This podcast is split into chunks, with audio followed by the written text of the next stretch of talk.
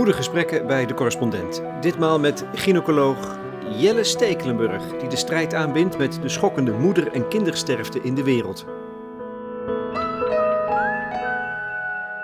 Het kan toch niet zo zijn dat in Nederland, uh, in het Nederland van nu, waarin het beter gaat dan ooit, waarin we rijker zijn dan ooit, dat er een taboe lijkt te komen op solidariteit en op het helpen van elkaar, zonder dat we daar zelf beter van moeten worden. Iemand anders helpen die het minder heeft. Dat, dat, dat, dat, ik heb de indruk dat dat taboe aan het worden is. Dat je daar bijna niet meer over mag praten. Dat, dat, wordt je afgedaan als ouderwets. Maar ja, dat was vroeger. Medische ontwikkelingshulp. Gewoon helpen.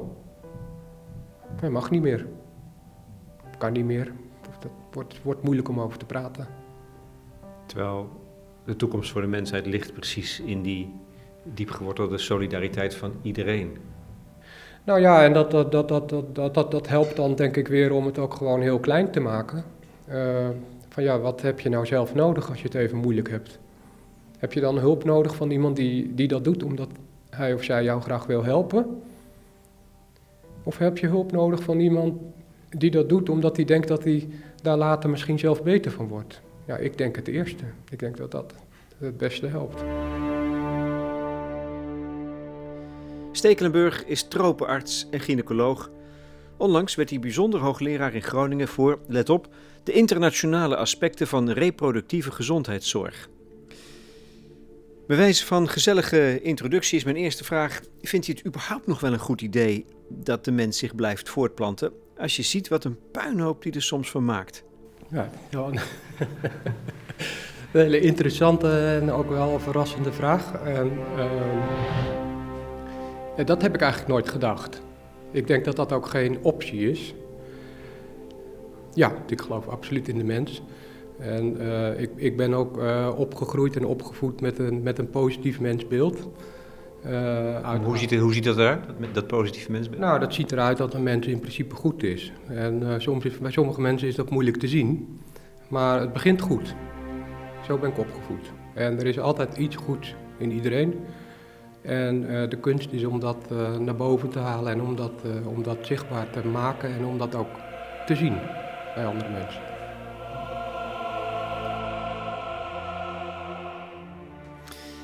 Nee, stoppen met reproductie is geen optie voor Jelle Stekelenburg, natuurlijk niet.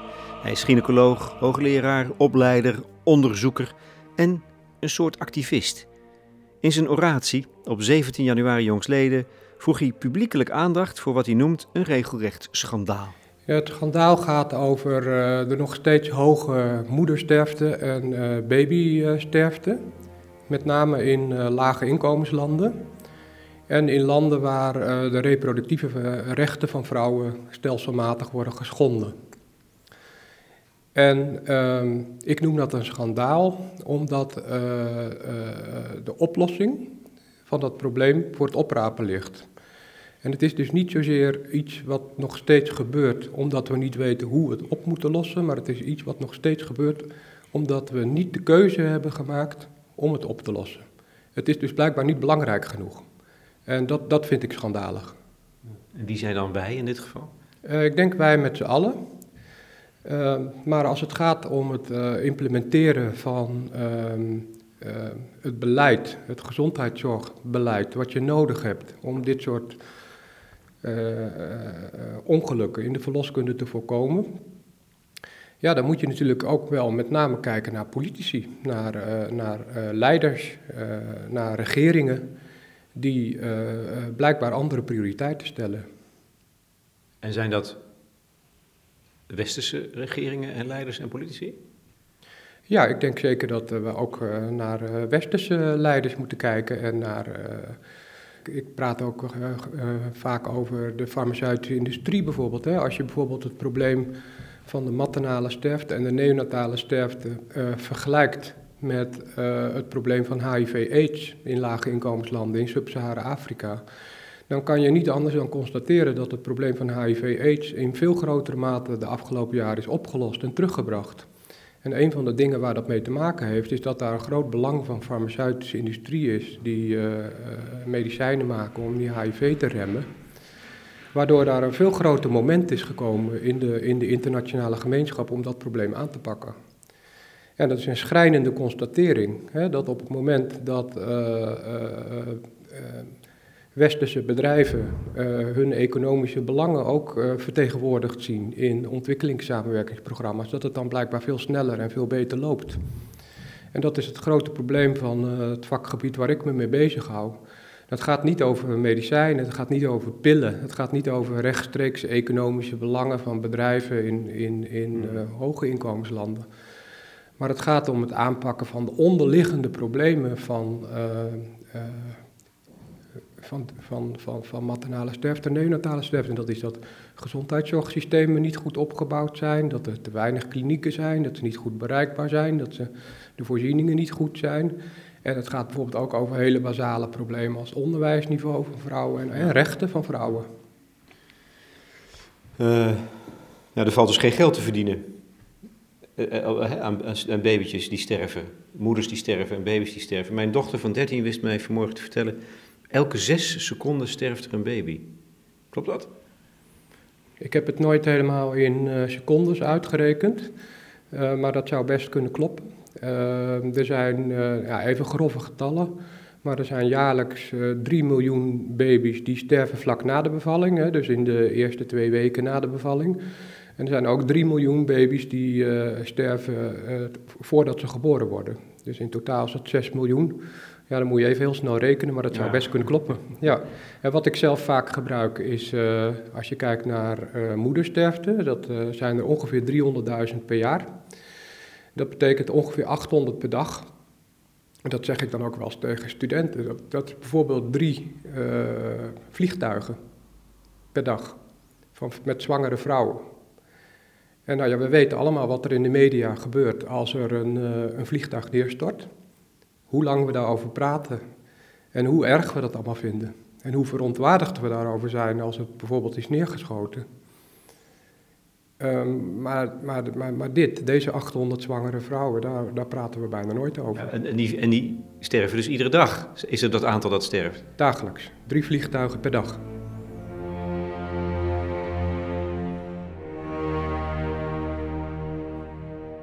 Als hoogleraar en opleider probeert Jelle Stekelenburg jonge mensen te interesseren voor zijn zaak, te inspireren. En dat lukt ook. Hij begeleidt op het ogenblik elf promovendi verspreid over de hele wereld. De leiders van de toekomst. Zoals hij zelf op het spoor is gezet door Ivan Wolfers, invloedrijke arts en publicist, die in de jaren 70 al de gezondheidswinkels had opgezet en later hoogleraar gezondheidszorg in ontwikkelingslanden werd. Stekelenburg heeft als student mede die benoeming aan de VU voorbereid. Omdat hij was geraakt door? Uh, zijn wereldbeeld, zijn, uh, zijn activisme en uh, de manier waarop hij, ja, ik noem dat ectoscopisch, eh, naar gezondheidsproblematiek kijkt. Dus niet alleen zoals de meeste artsen, met alle respect overigens, maar in de trant van een ziekte wordt veroorzaakt door een bacterie of door een virus of door uh, een wond. Of, mm. Maar daar veel breder naar keek en uh, studenten leerden om ook te kijken naar alle andere determinanten van gezondheid. Sociale determinanten, economische determinanten, financieel, economisch, politiek. En ja, politiek noem ik nu, dat, dat heb ik ook wel van hem geleerd, dat politiek en gezondheid, dat dat heel dicht bij elkaar ligt. ja. Dus dat, hij, heeft een belangrijke, uh, hij is een belangrijke inspirator voor mij geweest. En uh, ook om uiteindelijk tropenarts te worden. Dat, dat heb ik toen eigenlijk wel heel snel bedacht. Van ik wil tropenarts worden. En ik wilde dan als tropenarts, wil ik, wilde ik eigenlijk het liefst naar het meest moeilijke en ver afgelegen districtziekenhuis wat er was. waarom dat dan? Nou ja, omdat ik dacht van uh, daar kan ik het meest uh, extra hmm. doen. Daar kan ik het meest betekenisvol zijn. Ja. Ik heb in, uh, in Calabo district gewerkt. Dat is het, uh, inderdaad het meest ver afgelegen district wat je in Zambia hebt. En, um, Hoe ziet dat eruit? Waar kom je dan, in wat voor soort wereld kom je dan terecht? Ja, het, het, einde van de wereld, dacht ik aanvankelijk. je vliegt eerst naar Lusaka de hoofdstad van Zambia. En dan ga je, over de weg 600 kilometer naar het westen. Dan kom je in de provinciale hoofdstad, Mongu. En daar, begint, daar houdt eigenlijk de weg op.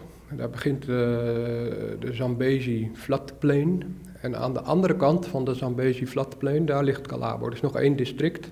Het ligt eigenlijk tussen de Zambezi en de grens met ehm, Angola. En eh, dat betekent dat het eigenlijk aan alle kanten geïsoleerd is. Het is heel moeilijk om daar te komen. Uh, het is vrijwel onmogelijk om patiënten te verwijzen. Dus je komt daar als arts in een, in een ziekenhuis te werken wat ver afgelegen is, waarin je dus over het algemeen in situaties terechtkomt dat je ja, bij ernstige calamiteiten zelf een beslissing moet nemen van uh, ga ik iets doen of ga ik niet iets doen. Waarbij het dan vaak zo is van ja, als ik niks doe, dan gaat de patiënt waarschijnlijk dood. En als ik het wel probeer, dan is er een kans dat het goed gaat. Maar ook een kans dat het niet goed gaat. En dat, dat was een beetje de situatie. En, uh, dat, legt, dat, legt, wel ongelooflijk veel verantwoordelijkheid in je handen. Want, want je was 30, denk ik, zoiets?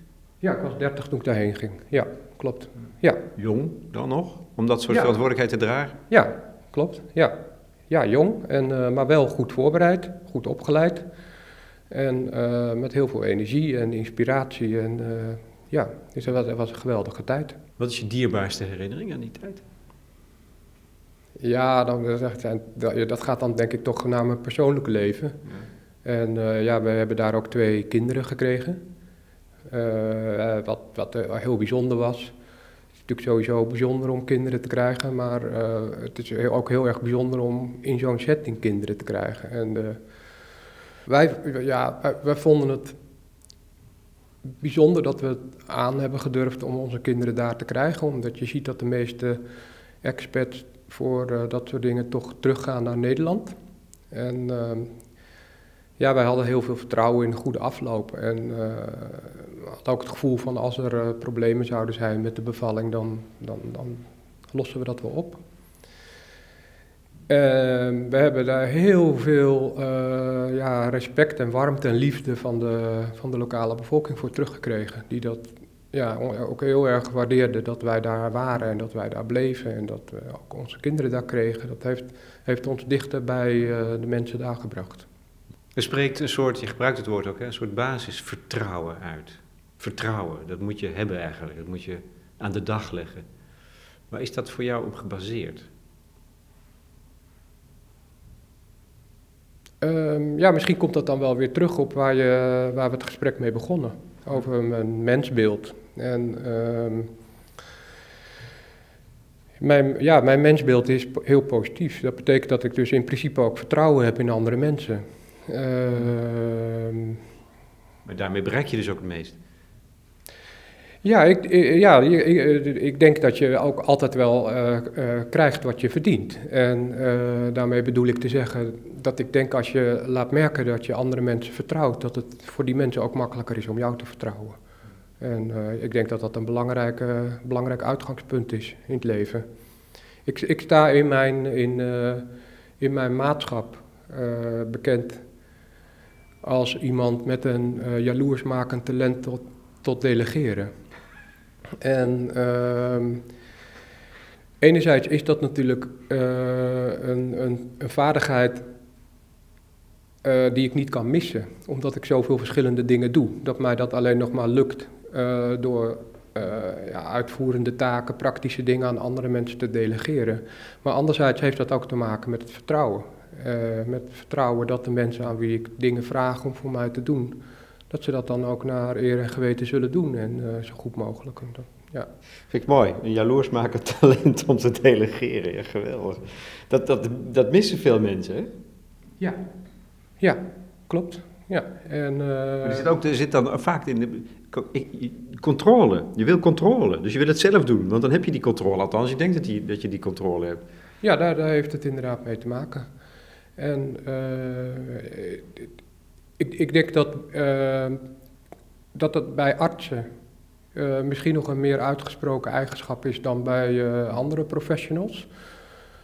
Ehm, dat merk ik inderdaad wel soms bij collega's, dat ze dat moeilijk vinden om dingen los te laten.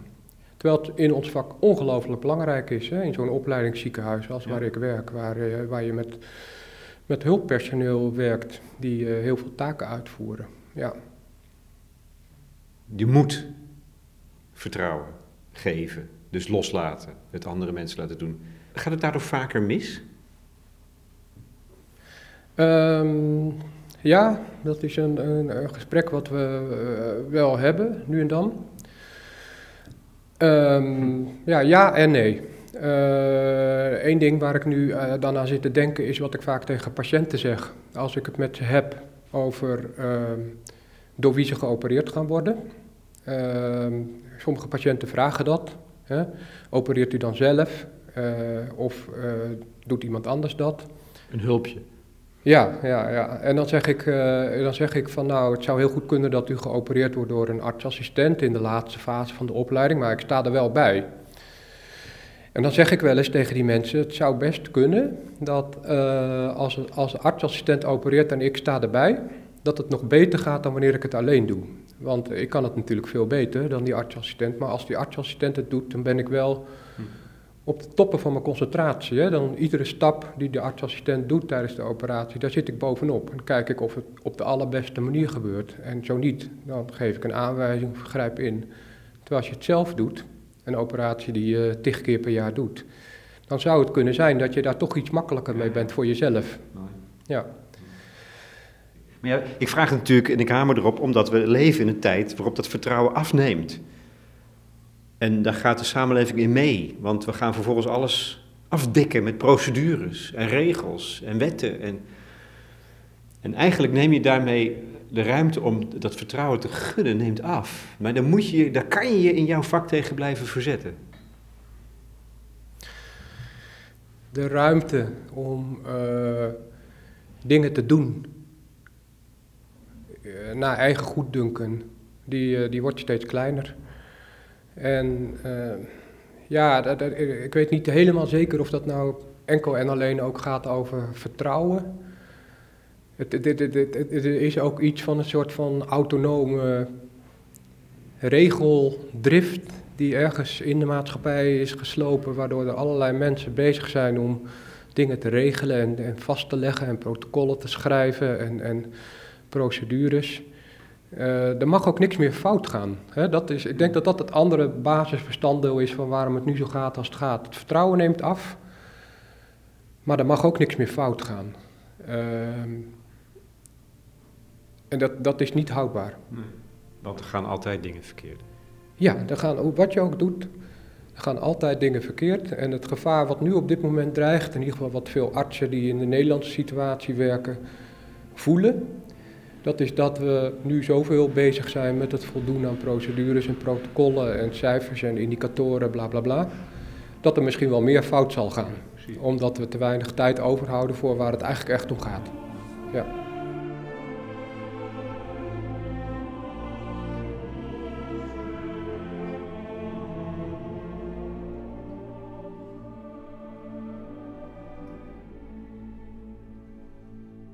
Ik denk uh, heel veel, uh, heel veel mensen uh, die een langere periode in Afrika hebben gewerkt, die zijn onder de indruk geraakt van de enorme positiviteit en, en levenskracht en, en plezier.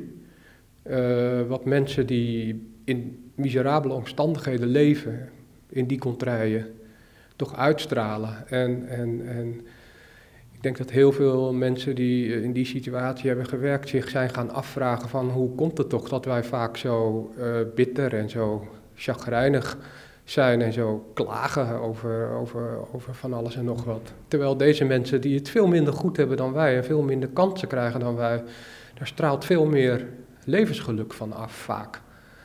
En ik denk dat dat, is, dat is vast iets wat iets met me heeft gedaan. Ja. Weet je, heb je, ik vraag het me ook zo vaak af, hoe komt dat? Heb je daar het antwoord op, hoe dat komt? Um, ja, misschien uh, um, is het niveau van beschaving en het niveau van ontwikkeling uh, waar wij aan gewend zijn geraakt, uh, zijn we een beetje, een beetje over de top over de top heen geraakt, waardoor we niet meer in staat zijn om, om, om ons te realiseren hoe ongelooflijk goed we het hebben. En, uh, uh, en binnen dat gegeven te accepteren dat er soms ook iets niet goed gaat. Uh, de, de, ja, de, de babysterfte is daar natuurlijk ook een heel goed voorbeeld van. Ik voer al jaren strijd tegen het gebruik, niet alleen in de media, maar ook onder professionals, collega's, van de term hoge babysterfte in Nederland. Want het is klinkklare onzin. Er is geen hoge, hoge babysterfte in Nederland. De babysterfte in Nederland is een van de allerlaagste in de hele wereld. En er zijn landen waar de babysterfte tien keer zo hoog is als in Nederland. Maar toch blijven er ook gynaecologen, kinderartsen, maar ook de media schrijven dat de babysterfte in Nederland hoog is. Het is echt niet waar. Maar elke baby die doodgaat is er één te veel. Klopt. Ja. ja. Maar dan hebben we het over 6 miljoen baby's in de hele wereld. Ja. Dan zijn er zes, dat zijn er 6 miljoen te veel. Ja. Jij stelt eigenlijk, daar begon je mee, dat het op te lossen is. Ja. Dat is misschien wel het echte schandaal. Het is gewoon op te lossen. Uh, ja, ik, ik kan een aantal uh, technische inhoudelijke dingen noemen die uh, nodig zijn. Maar waar het vooral om gaat is dat in die landen waar het probleem nog heel groot is, het gezondheidszorgsysteem wordt verbeterd. En dat betekent dat er tot op het laagste niveau van de gezondheidszorg, hè, dus het verst weg van de hoofdsteden, daar moeten klinieken komen waar getraind personeel is, hm. met middelen. En, goed, dat kost allemaal geld. En dat, geld is er niet. En dat geld is er niet. Ja, klopt, dat kost geld. Ja, inderdaad. Ja. Ja, dus dat betekent dat er geïnvesteerd moet worden daarin. En dat is een keuze. En uh, ik vind het, uh, ja, om het woord schandalig dan nog maar een keer te gebruiken, uh, kijkend naar het Nederlandse overheidsbeleid, waarbij we ooit niet echt heel erg lang geleden koploper waren in het handhaven bijvoorbeeld van de 0,8% BNP-norm die, die landen zouden moeten besteden aan medische ontwikkeling of aan ontwikkelingssamenwerking. Dat is losgelaten in de, in de afgelopen twee regeringsperiodes. En uh, ja, dat geldt ook voor, uh, voor andere landen, maar dat, dat, dat, dat, gaat mij zeer aan het hart. Dan denk ik, hoe kan het nou toch zo zijn dat wij in dit land, waar we het zo goed hebben, uh, met ons aan elkaar wijsmaken dat we het helemaal niet goed hebben, dat we het slecht hebben en dat we daarop gaan bezuinigen. Dan denk ik, ja, kan toch niet waar zijn, maar het is wel waar. Je met Ivan Wolvers heb je geleerd van je, je moet niet als het op jouw uh, terrein van de gynaecologie zit, uh, kijken naar zeg maar, een baarmoeder op twee poten, zoals Mieke Kerkhoff het wel eens heeft genoemd. Ja. Maar het is een mens, uh, een hele mens, en er zit ook een, een, een sociale en een politieke en ook een culturele context omheen. En dat moet je allemaal eigenlijk meenemen. Je moet dat allemaal zien als je een vrouw in je, in je spreekkamer krijgt. Maar dat maakt het natuurlijk toch wel juist zeer complex. Hè, dat je, waardoor je niet kunt zeggen van ja, het is, het is eigenlijk allemaal makkelijk op te lossen. Ja, dat klopt. Het, eh, het, is, ook, uh, het is ook complex. En uh, het is niet zo dat er één magic bullet is, één, één oplossing die je kan implementeren en dan is het probleem opgelost. Dus er zijn allerlei dingen die tegelijkertijd, uh, tegelijkertijd moeten gebeuren. Ja, ja. Nou, dat ben ik helemaal met je eens. Ehm want, maar, heb, heb je voorbeelden bijvoorbeeld van de manier waarop de cultuur een rol speelt op jou, hè, als het gaat om uh, zwangerschap, uh, moederschap? Ja, zeker. Er zijn legio uh, voorbeelden waar ik in mijn, in mijn oratie kort over gesproken heb. Ook omdat ik ook lid ben van de Raad van Toezicht van Amref Flying Doctors in Nederland. Amref is succesvol in het tegengaan van de besnijdenis van jonge meisjes in, uh, in Tanzania bijvoorbeeld en in uh, Kenia en Somalië en uh, Sudan. Dat is natuurlijk een cultureel gebruik.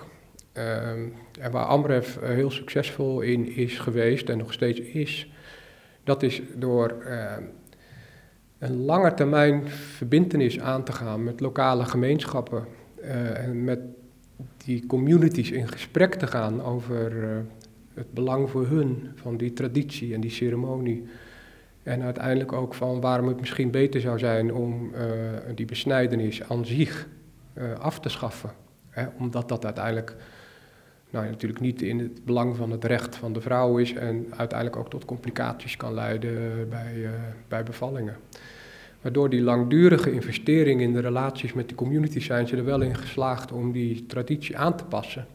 In die zin dat het daar waar het gelukt is een volledig geaccepteerde ceremonie nog is, waarin meisjes zeg maar, de overgang naar het vrouw zijn vieren in hun gemeenschap, maar niet meer besneden worden. Zo. En dat is een heel mooi voorbeeld van uh, hoe er toch sprake is geweest van uh, beïnvloeding van een cultureel gebruik. Het kost tijd en investering, doorzettingsvermogen. Ja. ja. En soms kan je ook, uh, ook flink, flink de fout ingaan met, met de verschillen in culturele context. Ik herinner me nog dat we, we hadden altijd op Wereld AIDS Dag, dan uh, organiseerden we in samenwerking met, uh, met andere departementen altijd een, een dag over AIDS, waarbij vaak ook de middelbare school betrokken was. En ik kan me herinneren dat we een publiek debat hadden georganiseerd over AIDS tussen voor- en tegenstanders van, van de programma's die er waren om HIV te beteugelen. En dan was het zo dat uh, er was een team van gezondheidswerkers uit mijn ziekenhuis. En uh, die moesten de stelling verdedigen dat AIDS bestaat. En er was een team van middelbare schooldocenten. Uh, die moesten de stelling verdedigen dat AIDS niet bestaat. dat was een serieus punt destijds. Er werd gezegd dat AIDS een afkorting is van de American Initiative to Discourage Sex. En uh, daar waren allerlei uh, gedachten over. En wat er gebeurde in dat publieke debat, er was, er was een jury en uh, een voorzitter. Ik was de voorzitter en er was een jury. En de jury die besloot uiteindelijk in meerderheid dat de secondary school docenten de debatwedstrijd hadden gewonnen. Op objectieve criteria, gewoon debatingstijl en argumenten en... Ja, daar zit je dan met je goede bedoelingen. Ja, en wat er vervolgens misging, is dat in de lokale cultuur eigenlijk de abstractie van het, het, de debatwedstrijd niet door iedereen werd doorzien. Dus dat er erg veel mensen naar huis zijn gegaan met het idee dat aangetoond was dat AIDS niet bestaat, dat het niet iets echt was. Dus dat was een culturele blooper uh, van je welste. Ja.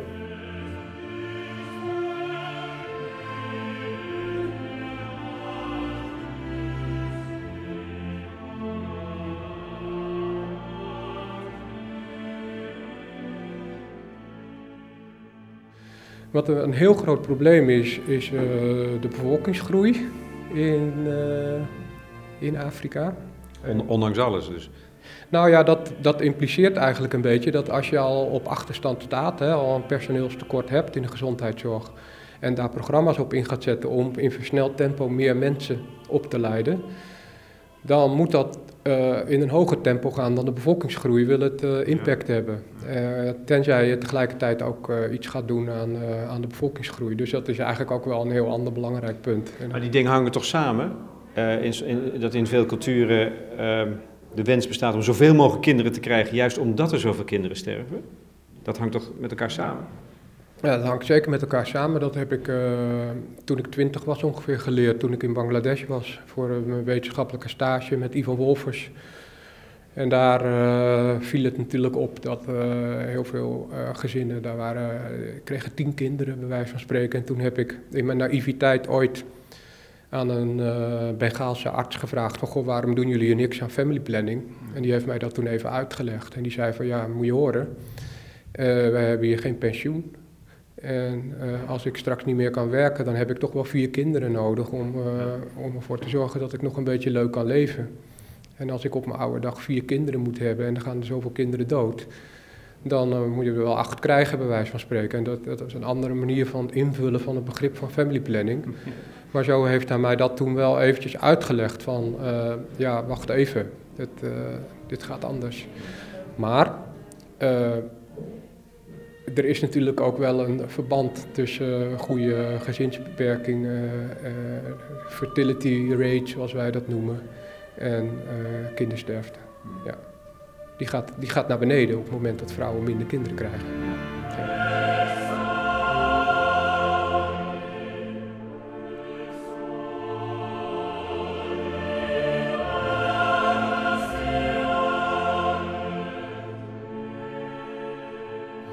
Moedersterfte is, uh, ja, denk ik, een van de, van de meest bizarre dingen die er uh, kunnen gebeuren. Hè? Dat je het leven moet laten terwijl je nieuw leven geeft. Ehm, waarbij ja, het hele systeem natuurlijk ontredderd achterblijft. En ook babysterfte is, ja, is iets heel erg schrijnends. Ehm, de emotie van het, krijgen van een kind. Uh, ja, dat is natuurlijk iets heel bijzonders als dat, uh, als dat allemaal goed gaat.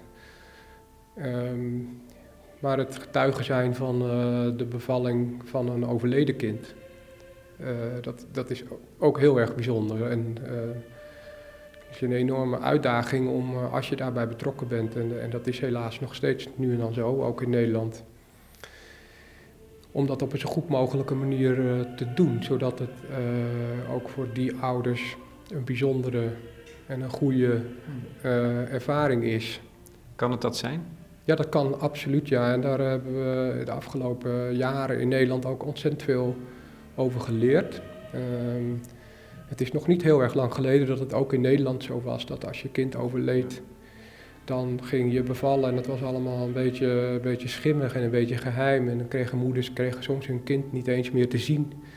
En uh, we weten van die vrouwen die dat in het verleden op die manier hebben meegemaakt, dat ze daar hun hele leven lang last van blijven houden. Dat het een onverwerkt trauma is. Uh, en we weten dat we daar nu op een heel andere manier mee om moeten gaan. Om die vaders en moeders ook ook al is het kind overleden, toch de kans te geven om met hun kind kennis te maken. En om afscheid te nemen van hun kind. En dat, dat kind wat ze dan hebben gekregen, ook al wordt het een paar dagen later gecremeerd of begraven, dat zal voor altijd hun kind blijven en onderdeel van hun gezin.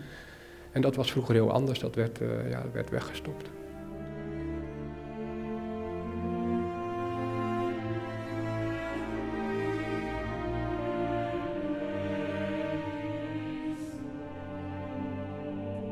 Ja, als je het samenvat, dan uh, wat je net al een beetje probeerde van ja, het is een enorm complex probleem, maar absoluut niet een onoplosbaar probleem. Ik bedoel, um, het, het, het, is ons per slot rekening in Nederland ook gelukt om uh, de moedersterfte en de kindersterfte voor een heel groot gedeelte terug te dringen tot het, tot het lage niveau wat we nu hebben.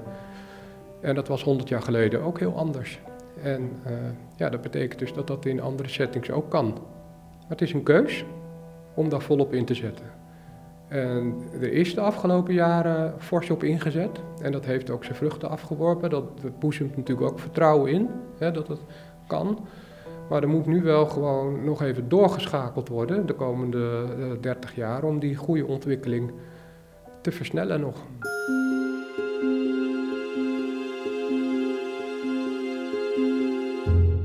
Bijzonder hoogleraar Jelle Stekelenburg in gesprek met Lex Bolmeijer over zijn strijd tegen de moeder- en kindersterfte in de wereld. Voor de correspondent. Laat een reactie achter op het forum of recensie bij iTunes. Ik wijs nog even op de laatste podcast van collega's Jesse Frederik, Johannes Visser. Moet het schoolsysteem in Nederland op de schop? En voeg daaraan toe het inkijkje in de belevingswereld van pubers, middelbare scholieren die zelf de microfoon hanteren. Zou het nou leuk zijn om leraar te worden? Luisteren nu